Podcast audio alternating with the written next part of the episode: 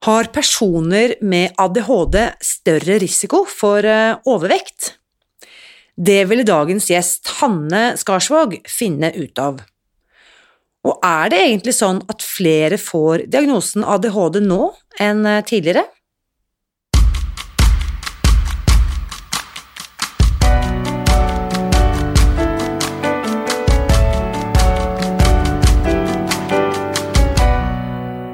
Mitt navn er Irina Li. Jeg er journalist og forlegger, gründer og sosialentreprenør.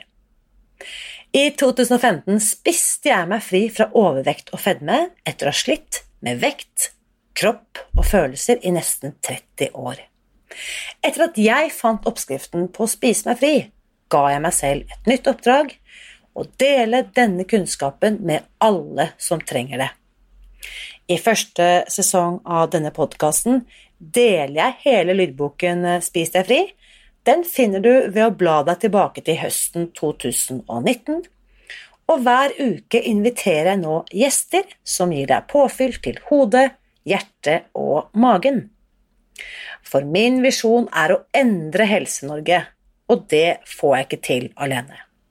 Du kan bidra ved å abonnere på podkasten, skrive en omtale i iTunes og dele denne episoden med noen du bryr deg om. Da setter vi i gang med ukens episode. 42 år gamle Hanne Skarsvåg er utdannet sosionom og har jobbet med psykisk helse og innen rusfeltet i snart 20 år. I dag er hun ansatt som faglig rådgiver i den frivillige organisasjonen ADHD Norge, og hun brenner for forebygging. Og før vi setter i gang, så vil jeg bare si at for meg ble dette en veldig tankevekkende samtale.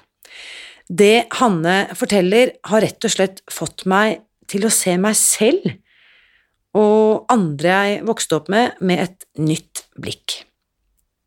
Og hvis du sitter igjen med noen lignende aha-øyeblikk etter å ha hørt dagens episode, så håper jeg du blir med inn i den åpne Facebook-gruppen Spis deg fri, hvor samtalen etter ukens eh, episode fortsetter.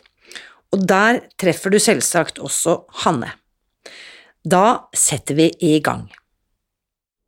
Kjære Hanne, tusen takk for at du ville være med på podkasten Spis deg fri. Jo, bare hyggelig.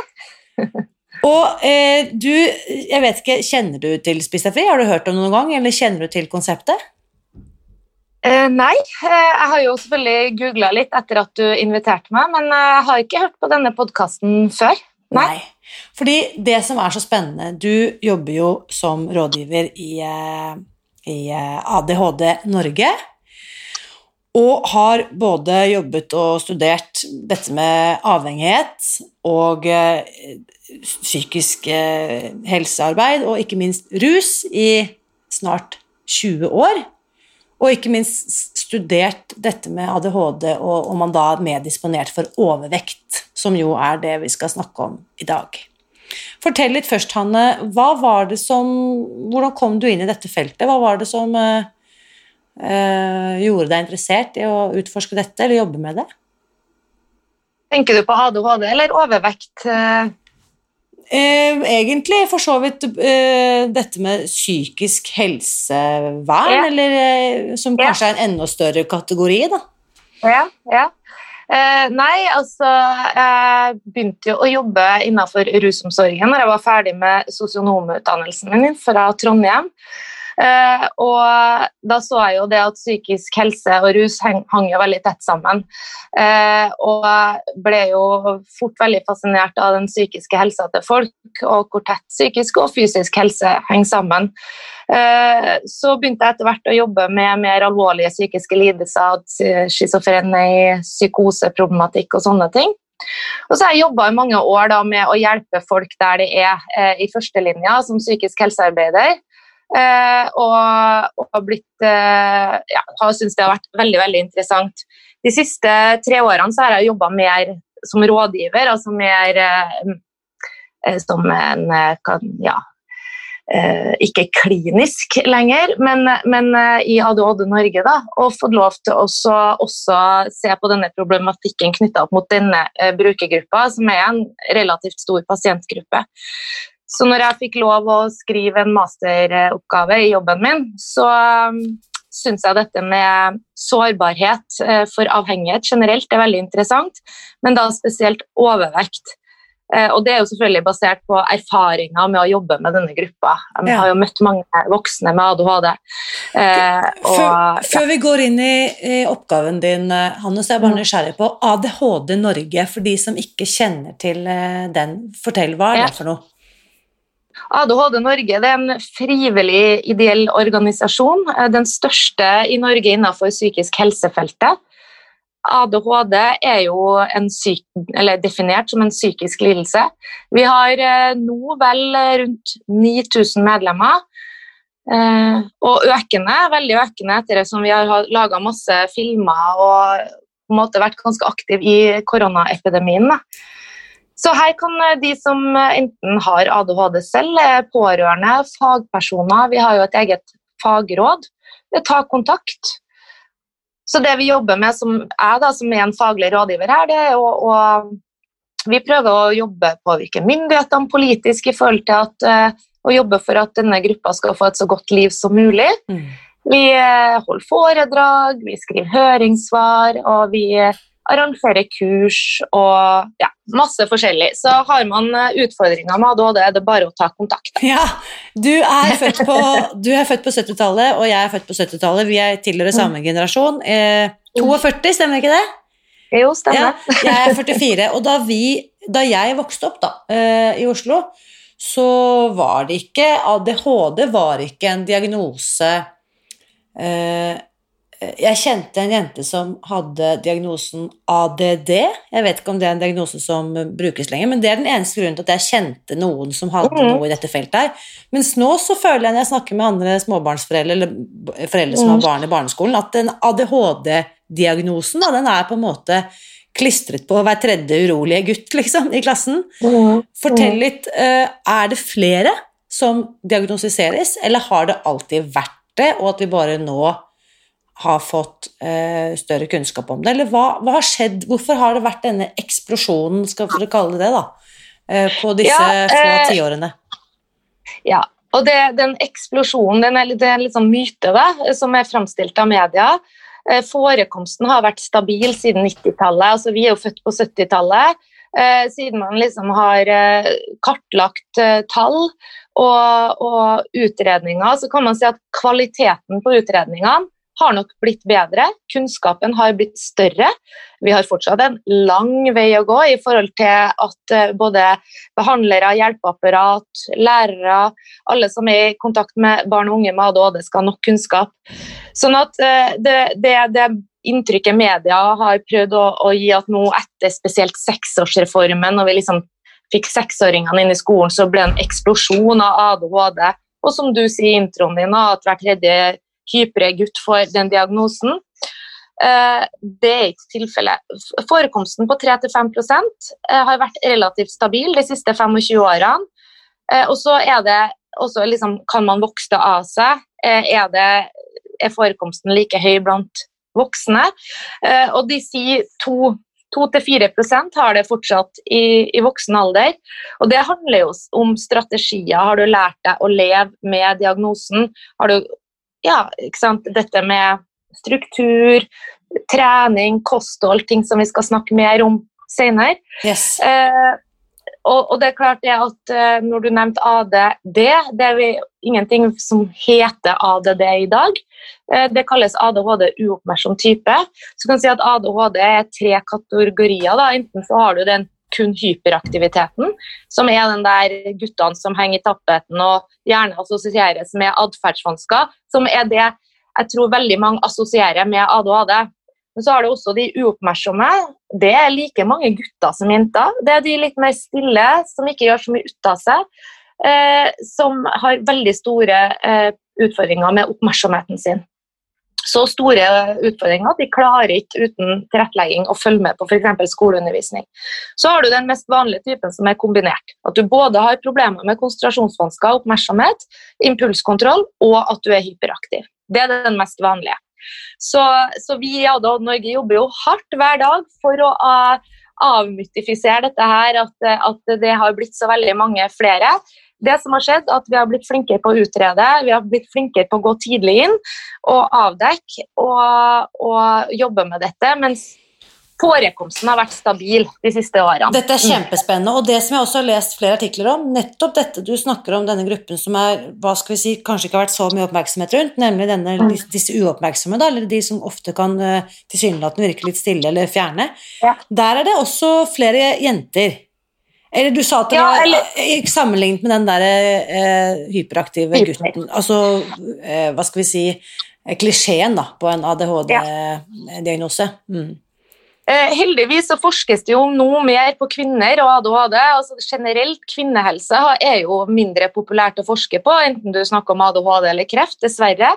Eh, nei, det er også en liten myte det der at ADHD uoppmerksom type eh, rammer flere kvinner. Men det er flere kvinner som blir avdekka.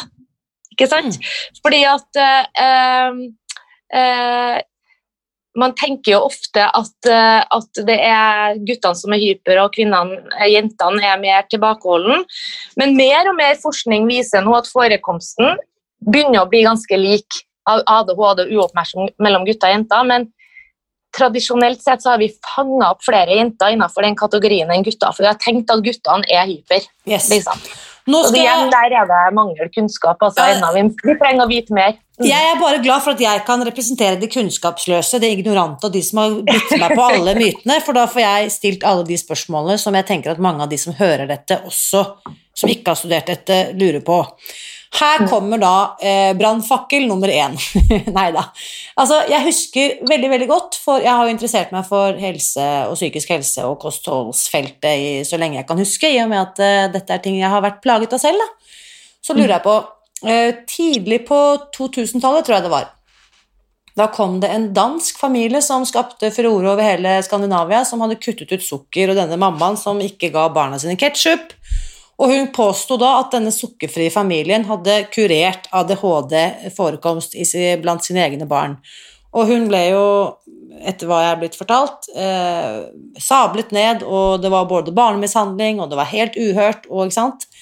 Um, som visstnok, nå har ikke jeg fått sjekket opp det, men hun måtte slutte å proklamere disse påstandene om at ADHD var knyttet til kosthold, fordi at det var rett og slett så kontroversielt. Mm. 10-15-20 år senere, hvordan eh, er kunnskapen på dette feltet nå? Ser vi noen sammenheng mellom sukkerinntak og ADHD? Nå lager jeg sånne gåseøyne i luften her som ikke folk kan se, men du skjønner spørsmålet? Skjønner spørsmålet. og Igjen da, så må jeg si, eh, jeg skulle ønske at det var mye mer forskning på feltet. Når jeg så på min master om overvekt, så var det jo veldig overraskende at ingen har sett på sammenheng mellom ADHD og overvekt før i Norge.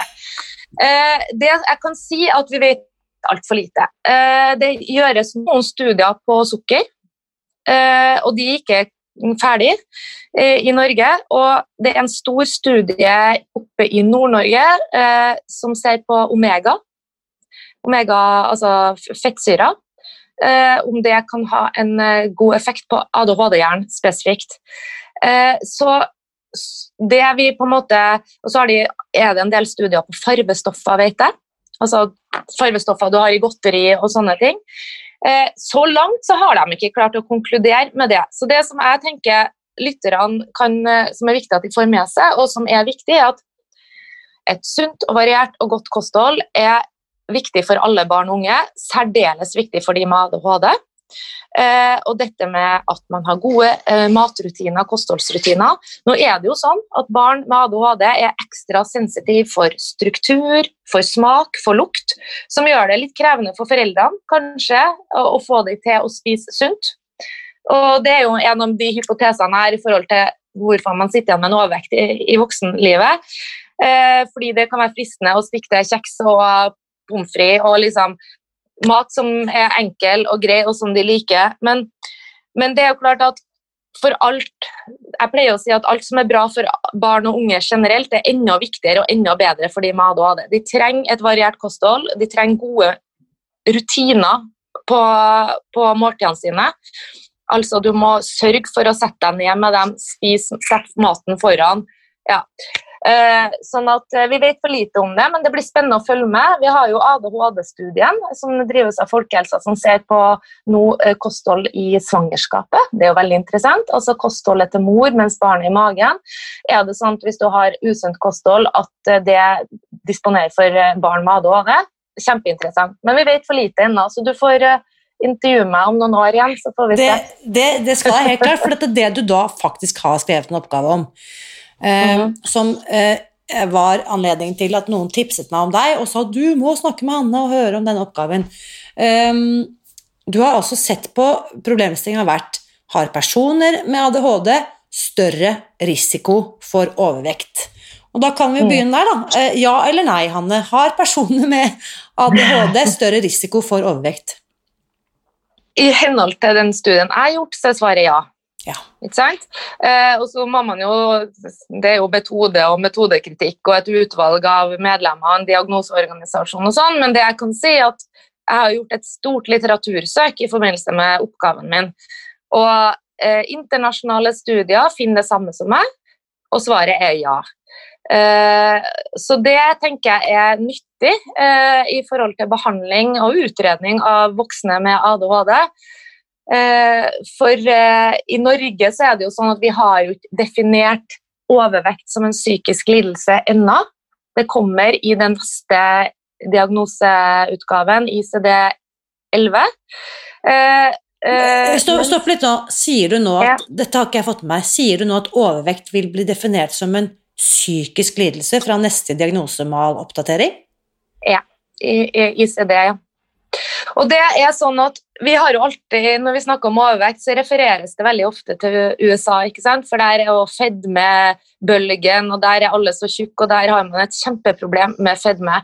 Det problemet står vi absolutt inne i Norge òg, og Europa for øvrig. Det er like stor epidemi her, og vi har tatt det igjen. Altså, Én av fem nordmenn er overvektig. Én av tre med ADHD er overvektig.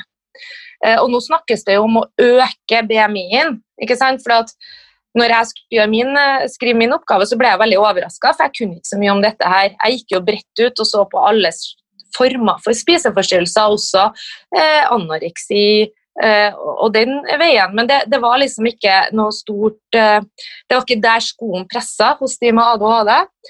Eh, så eh, jeg måtte liksom heve BMI-grensa for, for, å se på det her. For det viser jo seg at den jevne nordmann er jo overvektig. Syv av ti er, ja, er jo overvektige. Det var de siste ja. tallene. Mm. Så jeg så jo på de med fedme, altså det med BMI over 30. Mm. Ikke sant? Eh, som vi kaller fedmekategorien, som skal være eh, skadelig for fysisk helse. Så er det sånn at eh, vi har jo lenge behandla Min hypotese har jo alltid vært at vi har behandla folk uavhengig om de har ADHD eller ikke, eh, som har overvektsproblematikk, eh, i den gamle skolen, i somatikken, med kostholdsplaner og treningsprogrammer. Eh, og jeg tenker at Det er ganske håpløst når vi står midt i en epidemi hvor folk blir tjukkere og tjukkere og får mer og mer livsstilssykdommer, og ikke kobler dette mot den psykiske helsa. For eh, det årsaken til at du overspiser, sitter jo ofte eh, inni hodet ditt. Eh, og vi ser jo det, Jeg finner jo det i studiet mitt òg. Har du f.eks. mange fysiske tilleggsvansker, så øker risikoen for overvekt. Har du mange psykiske tilleggsvansker, så øker risikoen for overvekt. Og det i seg selv at personer med ADHD, som er en psykisk diagnose, er mer sårbar for overvekt, bevis, viser også det.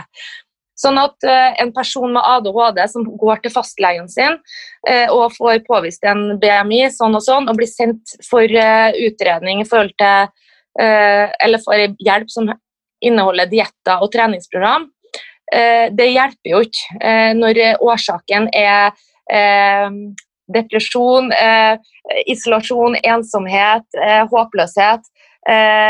da vil ikke klare å gjennomføre. I Men, tillegg har jo de med ADHD vanskelighet for struktur og disiplin. Og det å liksom føre f.eks. 2-5-dietten og sånn vil være veldig krevende for den gruppa her. Men Hanne, det du sier her det er jo mm. helt identisk med det som jeg, som null vekttall i verken psykisk helse eller ernæring eller medisin, har sagt fra dag én når jeg snakket mm. om Spis deg fri. Det å mm. sende folk ut med beskjeden 'spis mindre og beveg deg mer', det mm. er jo en del av problemet, ikke en del mm. av løsningen. Hører jeg deg si det samme? Helt, helt 100% enig. Og det er klart at for å få bukt på eh, overvekstproblematikk, så må man jo forstå hvorfor. Og Min masteroppgave sier jo for lite om årsaksmekanismene, det er en annen studie. Altså Hvorfor er det sånn? Og så Forklaringsmodellene. Jeg bare har vist at det er sånn. Det er en økt risiko, men jeg tenker at det blir kjempebra når vi i Norge også begynner å definere overvekt som en psykisk lidelse. Så langt så har vi hatt sånn her overspising, vi har slått det litt sammen. og vi har liksom, Men nå blir altså den amerikanske diagnosen binge eating disorder, da, som er overspisingslidelse på norsk, den blir nå en egen psykisk lidelse.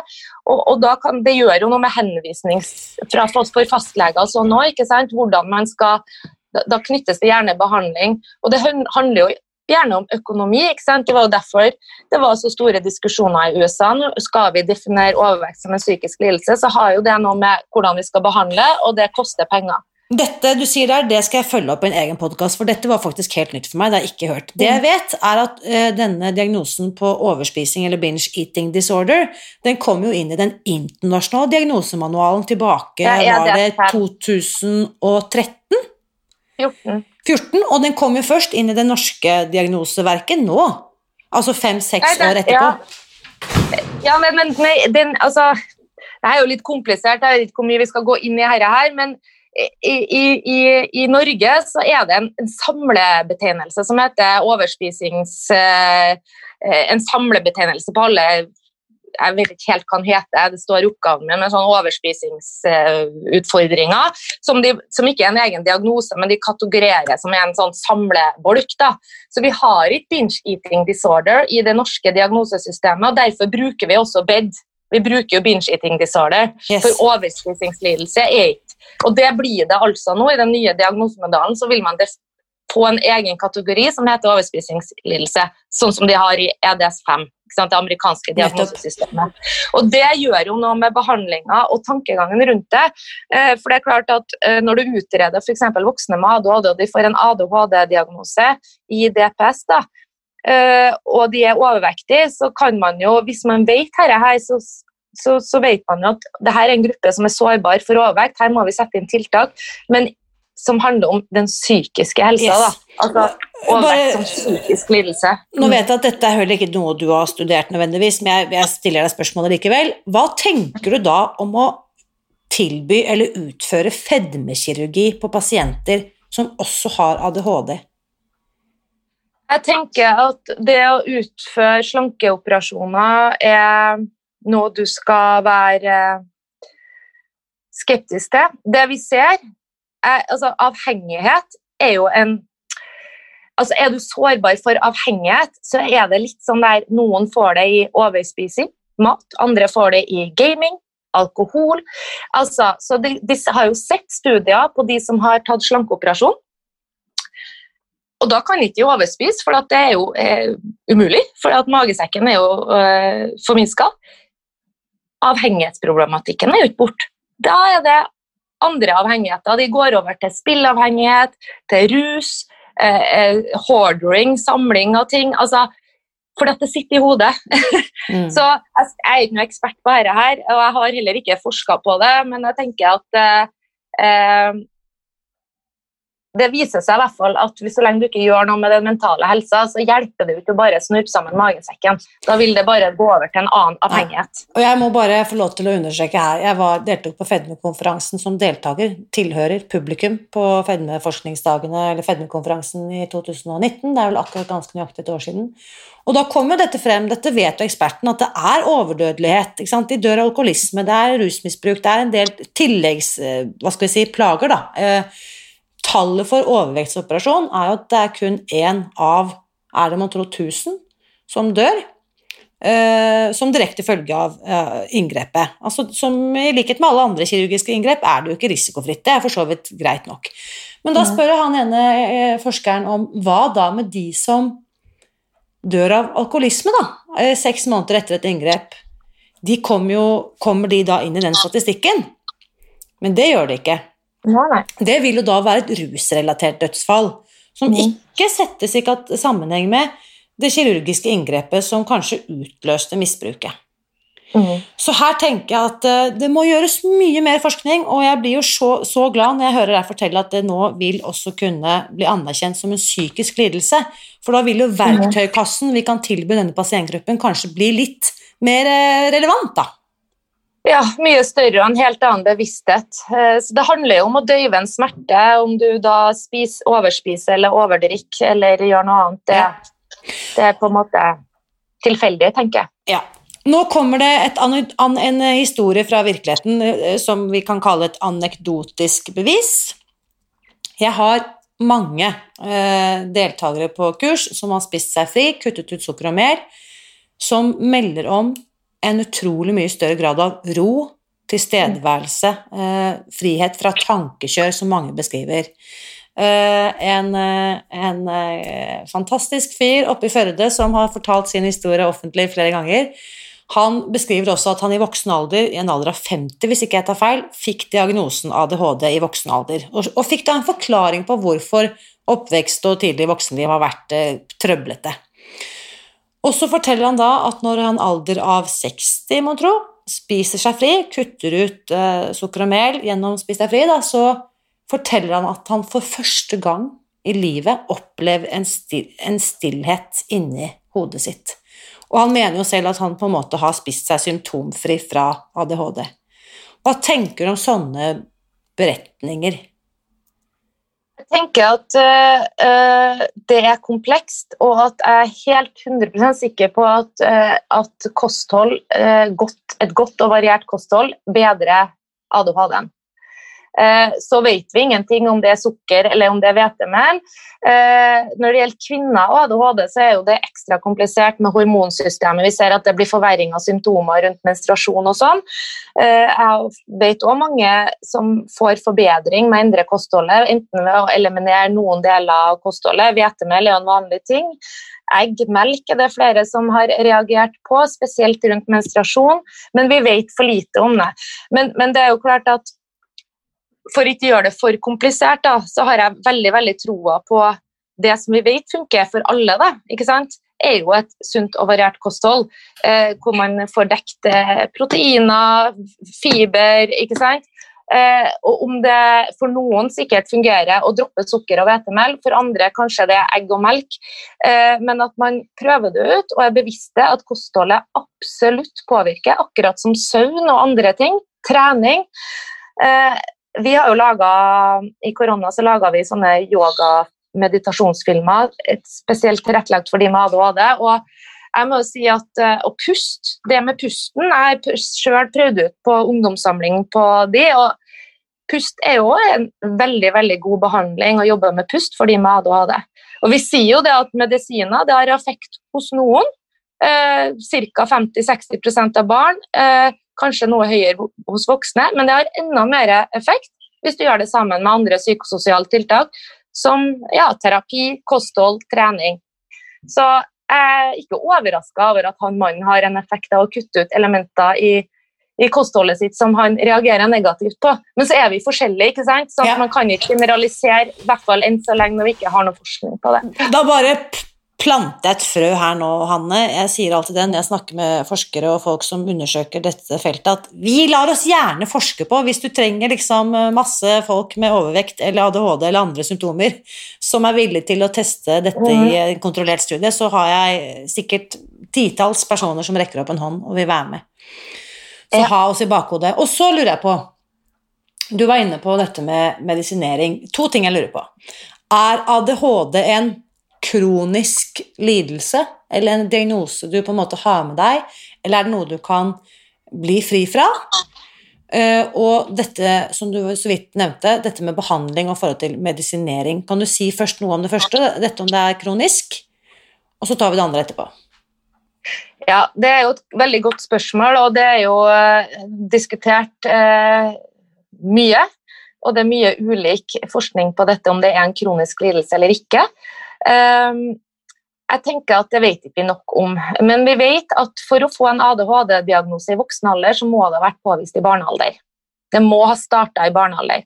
Og det er klart at Når du er 50 år og blir utreda for ADHD, så er det vanskelig å gå tilbake til skolegang, pårørende. Du må ha observasjoner av symptomer på ADHD i barnealder. Det gjør det ganske håpløst for mange voksne å få diagnosen i voksen alder. Så er det noen som får ADHD Beklager, betyr at jeg må ha hatt nedsatt orden og oppførsel i flere semestre liksom, på barne- og ungdomsskolen? Er det bevis nok? Typ? Akkurat hva det innebærer, det er, er, jo varierende, men ja. Du må, altså, når du utreder Og det er òg en ting jeg har lyst til å si at det, det framstilles jo media som at man bare kaster denne diagnosen etter folk. Det er klart at Når du skal utrede barn for ADHD, så må du du skal, ha, du skal snakke med foreldre, skole altså Det er en omfattende utredningsprosess. Men det er klart det er vanskelig å snakke med foreldrene, nei, med læreren til et barn når du er 30 år, og det er 20 år siden du gikk ut av eh, barneskolen. Mm.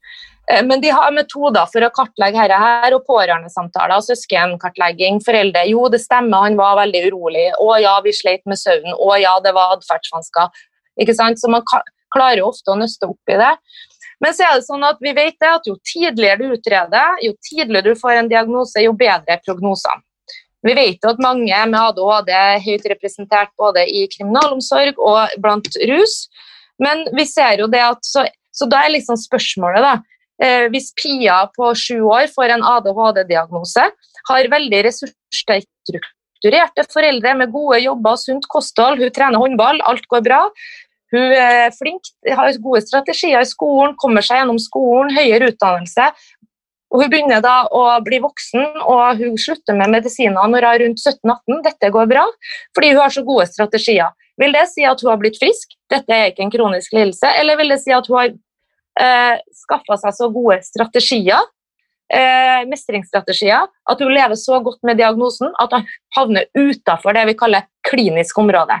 Og klinisk område det er når det, diagnosen er til hinder for å gjennomføre jobb, skole, utdanning, det du vil. Mm. Det er jo der diskusjonen ligger. Og vi ser jo at mange hopper av medisiner rundt 14-15, klarer seg godt idet de flytter ut strukturen fra foreldrene er borte, så blir symptomene økende. Du begynner kanskje litt på medisiner igjen, lærer deg noen strategier, og så kanskje hopper du av igjen når du er 40. Ja. Eh, så det er vanskelig å si noe sikkert om det. Men det er klart, du har jo mange profilerte, suksessrike folk med ADHD som ikke går på medisiner, som klarer seg bra, nettopp fordi de har laga seg strategier som funker for dem mm. sjøl. En av de strategiene er jo å bli leder, f.eks. Fordi at, eh, at du har andre som gjør mer eh, strukturerte oppgaver for deg. Ikke sant? Det, yes. Vi med ADHD må jo ha vi med ADHD jo, er jo enda mer avhengig av enn av oss andre at det de jobber med og det de gjør, er av interessen. Det er såkalt hyperfokus. Det er mye mer krevende for en person med ADHD å gjøre oppgaver som de ikke finner interessant. Vi kan jo liksom presse oss gjennom det, og vi må jo skrive de her timelistene og sånn. Så en måte å løse det på er jo å jobbe selvstendig eller bli leder og delegere det du ikke er 100 engasjert i. For, altså Uten å bli flåsete, men vi har, vi har, vi har plass til litt flåseri her i podkasten nå, men jeg tror jeg kunne ha oppfylt mange av de diagnosekriteriene eh, når jeg både var 10, 12 og 14 år, og sikkert fortsatt. Og det som er veldig morsomt, en, som en av mine eh, holdt jeg på å si, eh, forbilder. Eh, en fantastisk eh, bedriftseier i Norge, en samfunnsbygger som heter Johan H. Andresen, som driver dette familieeide konsernet Ferd. Han jobber jo mye for å løfte frem sosiale entreprenører. Jeg vet ikke hvor mye av dette du kjenner til, men det han sier, da, mm. veldig fleipete, som han sier at det, ja, så har du da disse sosiale entreprenørene, eller vi kan kalle dem udiagnostiserte ADHD-personer. ADHD da. Og det, det, er akkurat det du sier her. Det går jo hånd i hånd med akkurat det du uh, sier. Og han sier det med full kjærlighet. Det var ikke noe nedsnakking av ADHD-diagnosen. Men jeg tror jo akkurat dette du sier, at det ligger så utrolig mye kvaliteter og kompetanse i det å ha litt ekstra energi da, eller være hyperfokusert på ett smalt område, eller ha uendelig med energi. Det er jo en kvalitet som kan føre mye godt med seg. Ja, ved gode strategier så er det det, ikke sant. og, og, og, og hvis man går tidlig inn og forebygger og hjelper til å bygge opp denne egen psykoedukasjonen, altså kunnskap om egen helse, til den enkelte, så de kan få de gode strategiene, så er det gull verdt. ikke sant? Fordi at uh, Det er jo ingen som jobber hardere enn en person med ADHD. Det, det, det finner vi jo ikke. Og I tillegg så er det ofte er det ofte veldig kreativ og nytenkende og tenker ut av boksen, som er en veldig verdifull egenskap hvis du skal være gründer og starte noe for deg sjøl. Mm. Også veldig empatiske mennesker med store hjerter, som også er, er en god egenskap som bedriftseier. Da. Så jeg tenker vi i ADHD Norge vi, klart vi jobber jo mye for rettigheter og forebygger forebygge skoledropout, og kanskje, kanskje, mest for de som sliter veldig med ADHD-en sin, og som havner utafor av en eller annen grunn. Men det er klart at uh, det er jo fordi at man, Hvis man går tidlig inn og gir disse god hjelp, så skal ikke de havne utafor arbeidsliv og skolegang. Mm. De skal være ressurssterke bidragsytere til det samfunnet vi lever i. Og Jeg er så glad for at du løfter frem akkurat det, og jeg vet at du også er veldig opptatt av forebygging. nettopp det at eh, Jeg tror at mye er løst hvis vi klarer å se mennesker som individer, og kanskje mm. lage en løsning som passer for Hanne, og en løsning mm. som passer for Irina, og en løsning som passer for Pia. Mm. Uh, og så lurer jeg på dette med behandling. altså det, Dette mange av oss har hørt om, igjen bare basert på ja. det jeg har hørt og sett, uh, og andre fortelle.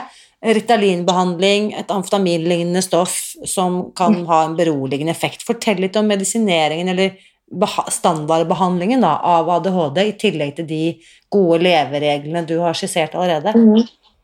Uh, nei, Når det gjelder behandling og utredning av ADHD, så følger jo vi Helsedirektoratet sine retningslinjer. ikke sant? Det er utarbeida. Eh, sånn at Hvis du jobber som en behandler, uansett hvor du sitter i landet, så er det de retningslinjene du skal følge. Dessverre gjøres ikke det, og derfor fikk vi så store Når de tok denne rapporten FHI, folkehelsa, så var det store variasjoner mellom antall som fikk diagnosen i Øst-Agder og Vest-Agder. Og, og, det handler jo ikke om at forekomsten er ustabil, men at utredningsverktøyene ikke tas i bruk og gjøres godt nok, og kunnskapen er for lav blant eh, behandlere om ADHD, hvordan utrede og behandle. Og da får du disse store forskjellene, og det er veldig synd. Det er en av de viktigste tingene vi jobber for. Det er at, at kompetansen skal være lik over hele landet. Og Da er det ei smørbrødsliste eh, over eh, behandlingstiltak. Og Det var jo skrevet en masteroppgave av nå husker ikke jeg navnet, men en kollega av meg oppe i Trondheim, hvor hun hadde gått gjennom alle behandlings, eh, anbefalt behandling for ADHD i retningslinjene, og hvilke er det egentlig vi vet har evidens, altså beviselig effekt og det var én, og det var medisiner. Og det er veldig tragisk. Så nå eh, det er en oppfordring til alle som forsker på ADHD. Dere må begynne å forske på hva som har effekt. Det var medisiner og psykoedukasjon.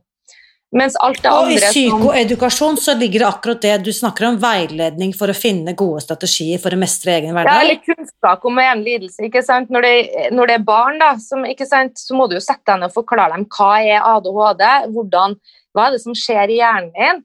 Eh, hvis ikke blir det jo veldig skummelt og uforståelig, og det er jo mye skam knytta til diagnosen. Ja, det handler om hvordan leve best mulig med den diagnosen du har. Dessverre så er det ikke alle som får den hjelpa. Du skal få tilbud om psykoedukasjon både på BUPA og DPS-er, men det gjøres noen plasser ikke. Andre så får du et tretimerskurs, noen ganger får du en ukes kurs, men det er veldig varierende og altfor dårlig. Men så vet vi jo, de anbefaler jo mindfulness f.eks. Eh, i retningslinjene. Men er det forska på det? Nei. Eh, det er kosthold, altså godt og variert kosthold. Men de konkluderer med at dette med sukker, farvestoffer, vi vet ikke nok om det. er ikke noe evidens. Eh, samme med eh, CBT har du noe forskning på, spesielt rundt unger, altså kognitiv atferdsterapi. Eh, men den er varierende og altfor lite. Så vi vet altfor lite, og det er jo veldig viktig at vi vet at den hjelpa vi gir, har effekt. Så jeg syns at man burde forske enda mer på hva som er god behandling for denne gruppa. Åh, jeg blir bare sånn der, ja, Hvordan skal vi skrape sammen pengene til å få forsket på akkurat disse tingene? For vi har jo ikke noen stor, sterk legemiddelindustri i ryggen som vil tjene milliarder på å selge dop til eh, mennesker som trenger det. Så det er jo på en måte litt av problemet her, at eh, å forske på hvilken effekt har eple på humøret ditt, det er jo ikke liksom store penger i det.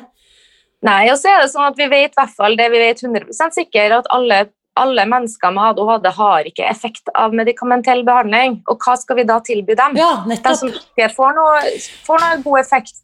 Og, det, og da er det jo disse andre alternativer. Og så vet vi også, det vet vi, det har jeg forska på, at de som har effekt av medisiner, har bedre effekt sammen med psykososiale tiltak. Så det er jo bare gode grunner for å forske og fokusere mer på nettopp dette. Ja. Så det jobber vi med i ADHD Norge hver dag. Og da lurer jeg på La oss da si at eh, jeg som hører dette, er over gjennomsnittet interessert fordi at jeg har en sønn eller datter eller søster eller bror, eller kanskje skjønner at jeg selv er i denne kategorien. Kan jeg melde meg inn hos dere? Ja, det kan du. Og det er, vi har en nettside som vi syns er veldig fin sjøl. Eh, og der kan du melde deg inn med en knapp, eller du kan ta kontakt. Og har du spørsmål, så er det bare å ringe til oss. Det står navn og bilde på alle som er ansatt i sekretariatet. Og, og, og vi hjelper deg uavhengig om du er meldt inn eller ikke. Og da kan de vite at jeg har, da kan de si sånn Jeg har hørt deg, Hanne, på podkasten, og nå lurer jeg på Så kan de ringe til deg, for da har de på en måte et Ja. kjent ansikt, eller i hvert fall en kjent stemme som vil møte dem. Absolutt. Og så vil jeg også, til de som syns dette var interessant, gå inn på ADHD Norge sine nettsider og høre det intervjuet som du har gjort, eller noen har gjort med deg, der du forteller mer om denne masteroppgaven og funnene du har gjort. Ja. Fordi det jeg tror er veldig viktig, og det som er mitt ønske med denne podkasten nå, er å løfte frem at det faktisk gjøres mye bra på ulike felt som handler om hvordan vi kan ivareta oss selv. Og det å ha Mhm. tilgang på den kunnskapen du nå også har løftet frem, er jo rett og slett livsviktig. Mm. Så jobbes det jo nå, jeg driver og skriver en artikkel som jeg prøver å få publisert i, i legetidsskriftet, så det kan, vi håper jo det. Da. Da kan man lese om det der også. Og så er det som sagt bare å ta kontakt, og vi har en del bra filmer. Vi har yogafilmer om konflikt. Vi har også disse Den filmen som du refererer til, det er jo fagkonferansen vår som ble avlyst pga. Av korona, så da filma vi noen av foredragsholderne i stedet. Så det ble overvekt, spilleavhengighet og rus, som er de tre eh, filmene eh, som er lagt ut. Så ja, Helt på takk, ta ta det er nydelig at du sier, og så helt på tampen må jeg bare stille deg det spørsmålet som Spis deg fri eh, og denne metoden har fått mye kritikk for, nemlig å påstå at det er mulig å bli avhengig av mat. Det er en kontroversiell påstand. Hva tenker du om det, Hanne? Ja, det tror jeg Jeg er absolutt sikker på at det går an å bli avhengig av mat. Det, det, det, og, og, men årsaksmekanismene, det er jo, kan man jo diskutere. Men at det finnes mennesker som er avhengig av mat, på lik linje som du er avhengig av alkohol eller andre rusmidler. Eh, eh, den her binge eating disorderen, den her å spise det Jeg husker når jeg jobba med med schizofrene så hadde jeg en som spiste Han spiste så mye til han fikk en rus, til han nesten sprakk. Det var farlig. Og den der, den der eh, steinfølelsen da, som å være høy, da, mathøy, det er jo mange som trakter den. Sånn at det, eh, at, eh, og den, det innholdet i mye av den fastfooden og sånn er jo også designa litt for at vi skal crave det. da. Så klart at folk Jeg kjenner det sjøl, den der cravinga etter smågodt f.eks. på kveldene. Du vil ha noe, du vil kose deg med noen ting. Det er jo et sug, det er jo ikke tvil om det. Mm. Så det syns jeg ikke er en, en, ekstrem påstand. Nei, det er veldig Altså, jeg blir så glad når jeg hører flere som skjønner at dette er helt logisk, sånn som det er i mitt hode. Men eh, Hanne, jeg sier bare eh, jeg, jeg har en sterk følelse av at eh, vi to kommer til å snakke flere ganger sammen, så jeg vil si takk for at du var med i dag. Og takk for at du studerer eh, dette, forsker på dette veldig viktige helsefeltet. Bare hyggelig. Takk for meg. Hva var det jeg sa? Tankevekkende episode, ikke sant? Og Hanne og jeg gleder oss til å høre hva du syns, så titt innom Facebook-gruppen Spis deg fri og delta i samtalen vår. For disse temaene er jo noe som faktisk angår oss alle, enten personlig eller som pårørende. Tro det eller ei, neste søndag, da er det blitt første søndag i advent. Og jeg kan nesten ikke fatte at dette veldig rare året snart er over. Og nesten som en hyllest til 2020 så har jeg bestemt meg for å invitere en forsker som skal fortelle oss om sammenhengen mellom kosthold og korona. Den samtalen gleder jeg meg veldig til å dele med deg, så kom tilbake hit neste søndag. Og som du kanskje har fått med deg, så har jeg altså valgt tema sinnsro som det overordnede temaet for de ukentlige livesendingene våre, som du kan følge helt gratis på Facebook-siden Spis deg fri hver onsdag klokken 13. Sist onsdag var altså tema egenomsorg, og du kan også laste ned en gratis guide eller en liten da journal som hjelper deg med å komme i gang med da blant annet egenomsorg. Og den finner du ved å gå til nettsiden www.spisdegfri.no skråstrek journal. Helt til slutt, mitt motto er at gode nyheter er skapt for å deles. Og hvis du har hørt noe i dagens episode som du likte spesielt godt, så klikk deg inn på iTunes, skriv en uh, vurdering, og strø om deg med fem stjerner. Da får du sikkert litt ekstra god karma, fordi da bidrar du til at flere oppdager det viktige vi snakker om her hver eneste uke. Husk også at jeg heier på deg. Alltid.